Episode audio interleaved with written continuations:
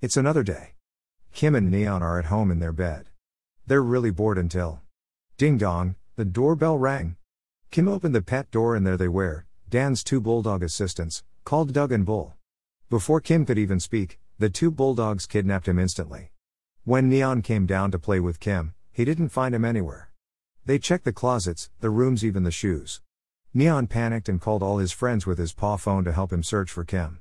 Neon's friends were Leo the lion, Jake the snake, Caleb the cat, Kevin the cat, and Dean the bulldog. When they arrived, Neon had an announcement. Okay. Everybody, thank you for meeting with me today. As you all know, Kim is missing and this is a serious problem. Does anyone have any ideas on how to find Kim because I'm empty? We could try threatening them, then they could tell us where Kim is. Said Leo anxiously. Neon replied with That's a great idea, but they could pretend to be threatened then when we are in wherever Kim is, they could trap us too.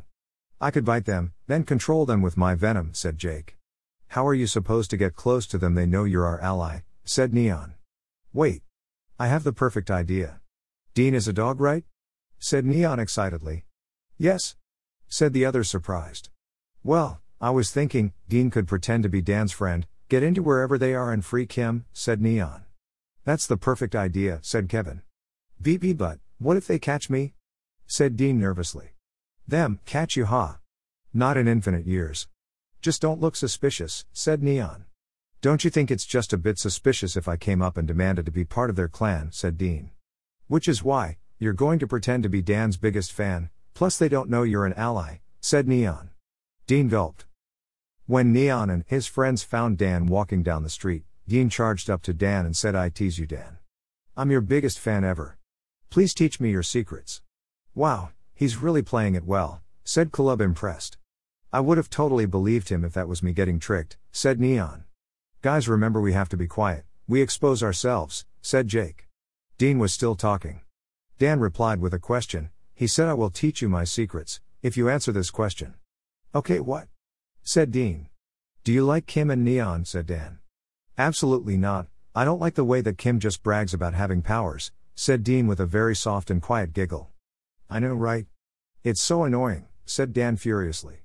You know what? We need dogs like you in my clan. I'll take you to my secret base, said Dan excitedly. Jackpot, he's going to show us the base.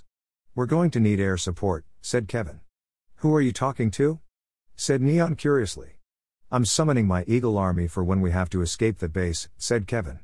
When Dean and Dan got to the base, there was a secret entrance that Dan could only use. Neon and the others managed to jump in the base. Neon saw Kim. Dan said to Dean, Go hold those intruders off, while I get those bulldogs. Sir, yes, sir, said Dean. Dean instantly ran over to Kim and freed him from the tied ropes he was stuck around. Dan came back to only see Dean helping Neon. You tricked me, said Dan in rage. Okay, if I can't have Kim, I can have Neon instead. Dan opened a portal to the nether and Neon fell in. Kim flew as fast as he possibly could, but he missed the portal by a second. No! Neon, yelled Kim. Ha ha ha said Dan. Now time to eject the intruders. Dan pressed a button and it made Neon's clan fly out of the base. That will show you, said Dan happily with his evil grin. Neon was in the nether and said, Where am I? Where is everybody? Can anyone hear me? Something was charging at Neon. Ah, said Neon terrified. What will happen next? Find out in The Nether King, coming soon.